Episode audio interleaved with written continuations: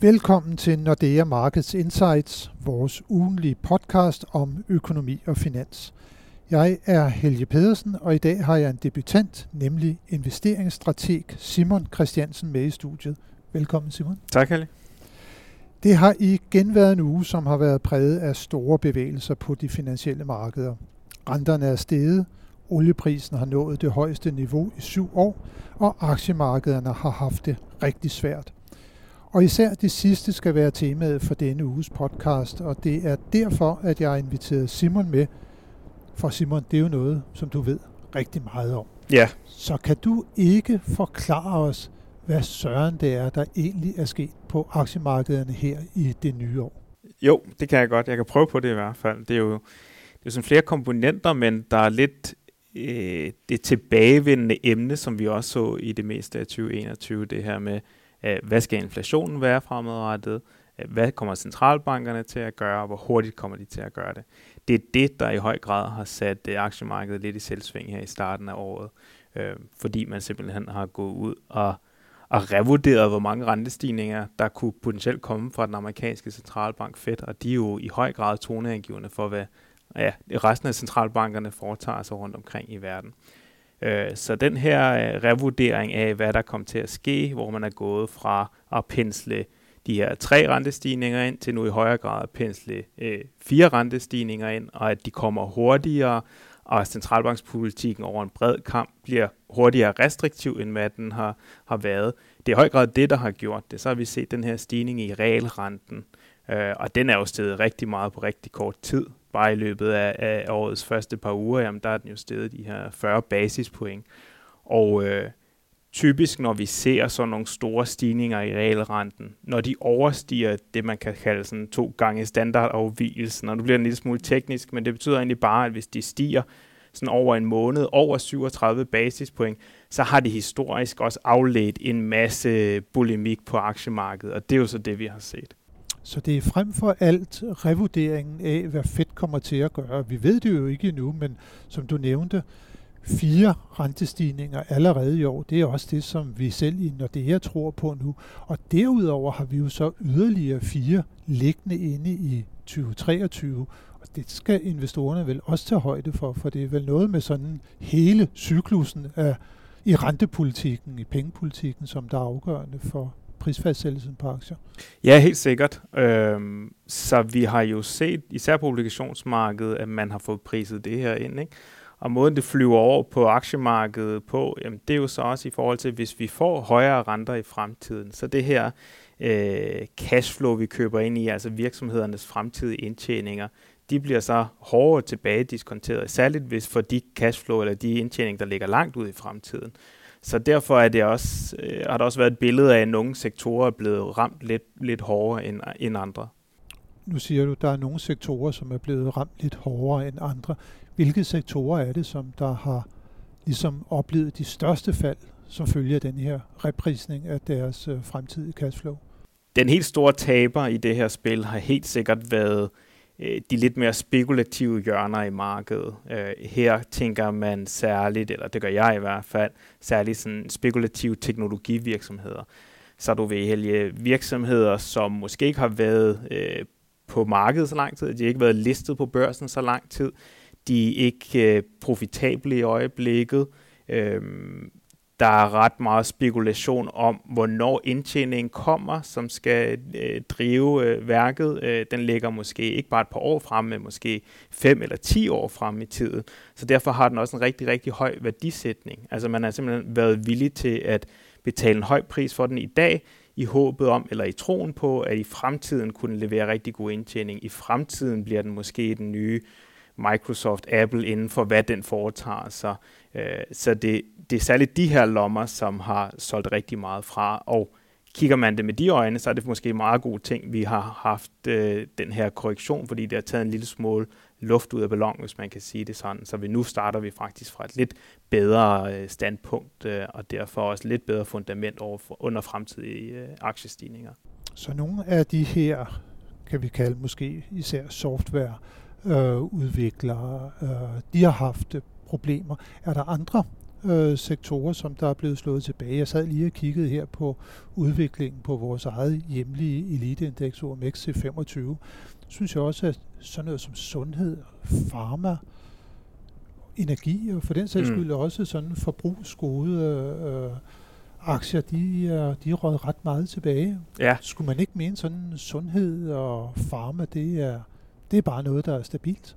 Jo, medicinalsektoren som helhed er faktisk kigget lidt på som en ret defensiv sektor, fordi der har du jo, altså kigger vi på Novo for eksempel, så laver de jo blandt andet insulinprodukter og en slags ting, og der vil jo altid være en efterspørgsel efter den. Folk bliver jo altid syge, hvis man kan sige det sådan. De vil altid gerne have deres medicin, så er der en vis sådan, stabil efterspørgsel under det. Ja, og verdensbefolkningen vokser, så der er vel flere og flere, som der kommer til at blive syge af for eksempel sukkersyge, diabetes. Ja, helt øh, sikkert. I takt med, at levestandarden den også stiger på global plan. Ja, præcis. Og en, en voksende middelklasse i, i Asien og så videre. Så der er nogle ting, der taler for den, men det gør også, at den er ret sådan, stabil, hvis ikke man lige kigger på øh, sådan pharma-elementet, som, hvor der kan være en del udvikling og så videre.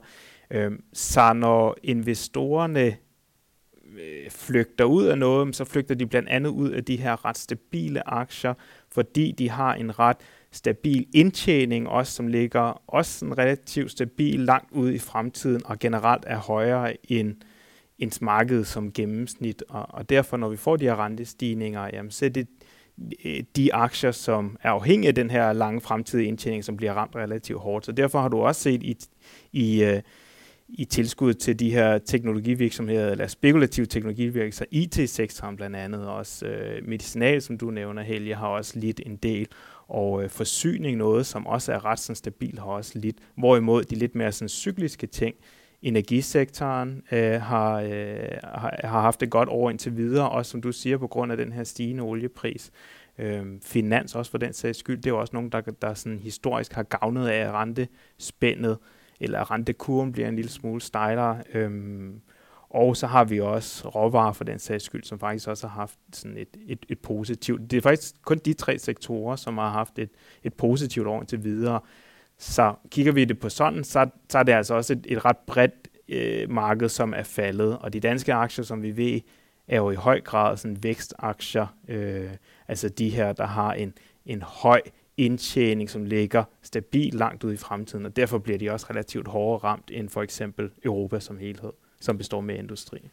Så Danmark er blevet ramt hårdt. Øh, hvor er det, der har været sådan de, de gode afkasser i år? Norge for eksempel, olieprisen, naturgasprisen er eksploderet.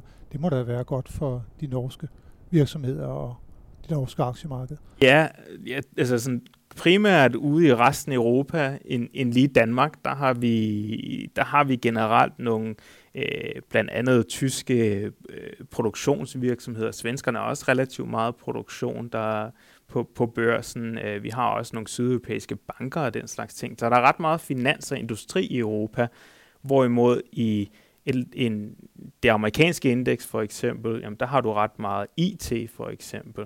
Uh, så derfor er der de her forskelle i sektorkomposition, altså hvilke industrier der er på, på børsen, som gør, at nogle lande vinder, når andre ikke gør det. Og i øjeblikket har det så været faktisk øh, øh blandt andet Europa, som har nyt godt af den her rotation, vi har set.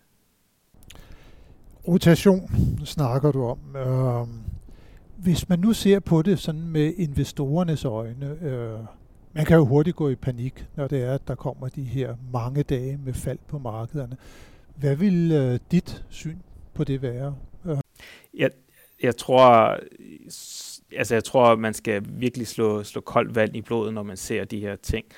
Og det er jo ikke noget nyt. Vi har jo også set det i, i høj grad i 2021, og 2021 endte jo med at være et rigtig, rigtig godt aktieår, men det var jo også karakteriseret ved, at der var perioder, hvor at nogle sektorer, særligt de her cykliske sektorer, fik lidt sådan et, et comeback i en periode, og så kom der måske en ny coronavariant, eller vi, øh, vi fik lidt mere realisationssans af, at økonomien om end væksten er måske på vej ned i tempo, og så flygtede man tilbage til blandt andet IT og medicinal. Og vi tror sådan set, det er det samme øh, drejebog, der er ved at udspille sig nu. Så det bedste, man kan gøre, er faktisk at holde koldt vand i blodet, eller være med at foretage nogle store øh, Øh, ændringer på baggrund af det her. Kig på, hvad vi anbefaler i vores allokering, øh, og vigtigst af alt, lad være med at sælge ud, fordi markedet falder, for det er altså en, det er ikke en vinderstrategi øh, at begynde at sælge ud, når markedet falder en lille smule. Øh, historisk set har det ikke været en vinderstrategi. Så hold fast i dine investeringer, slå koldt vand i blodet. Øh, 2022 bliver et godt aktieår set over hele året. Vi skulle bare lige have en lille øh, øh, korrektion nu her. Og det er den, som vi har fået nu, så der skal nye ting til, der kan ryste markederne for, at øh, der kommer yderligere sådan større fald. Ja, fordi altså, nu har vi jo fået den der store korrektion i realrenten, som vi lidt gik og ventede på, men ikke vidste, hvornår ville komme.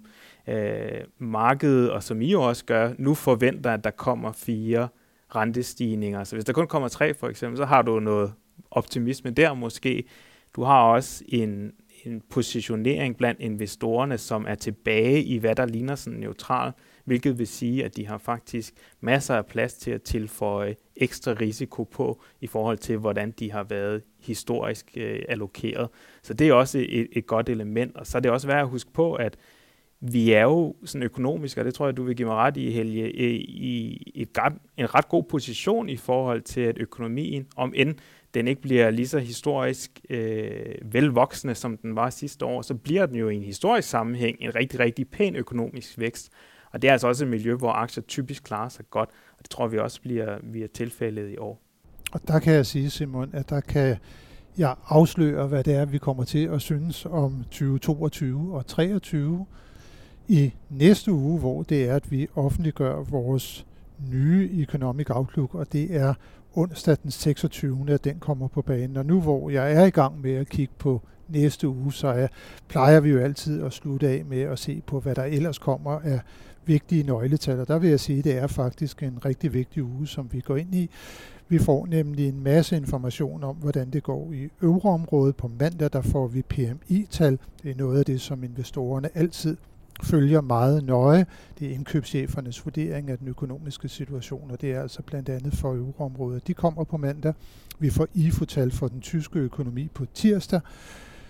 Og så er der kommissionens Economic Sentiment Indikator for euroområdet på fredag, og kigger vi over på den anden side af Atlanten, så er der faktisk også et par rigtig vigtige begivenheder.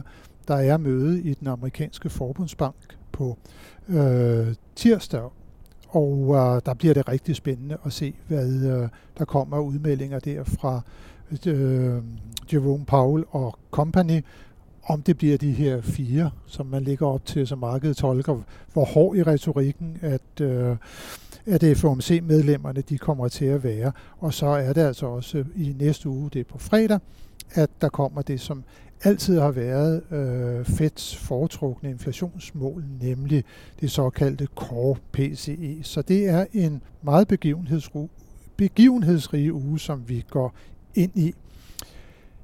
Tusind tak øh, til dig, Simon, for at være med i dag og gøre os klogere på, hvad der sker på aktiemarkedet. Øh, tak fordi jeg måtte, og god investering. Ja tak, og også tak til alle jer, som der har lyttet med. Det håber vi, at I også vil gøre i næste uge, når vi er tilbage med nyt fra de finansielle markeder. Og nu hvor jeg er her omkring, hvad der sker på podcastfronten, så vil jeg lige også slå et øh, slag for Simon og Andreas Østerhedens øh, podcast, når det er Pols, som I også kan tune ind på for at blive klogere på, hvad der sker på blandt andet aktiemarkederne. Tak for nu.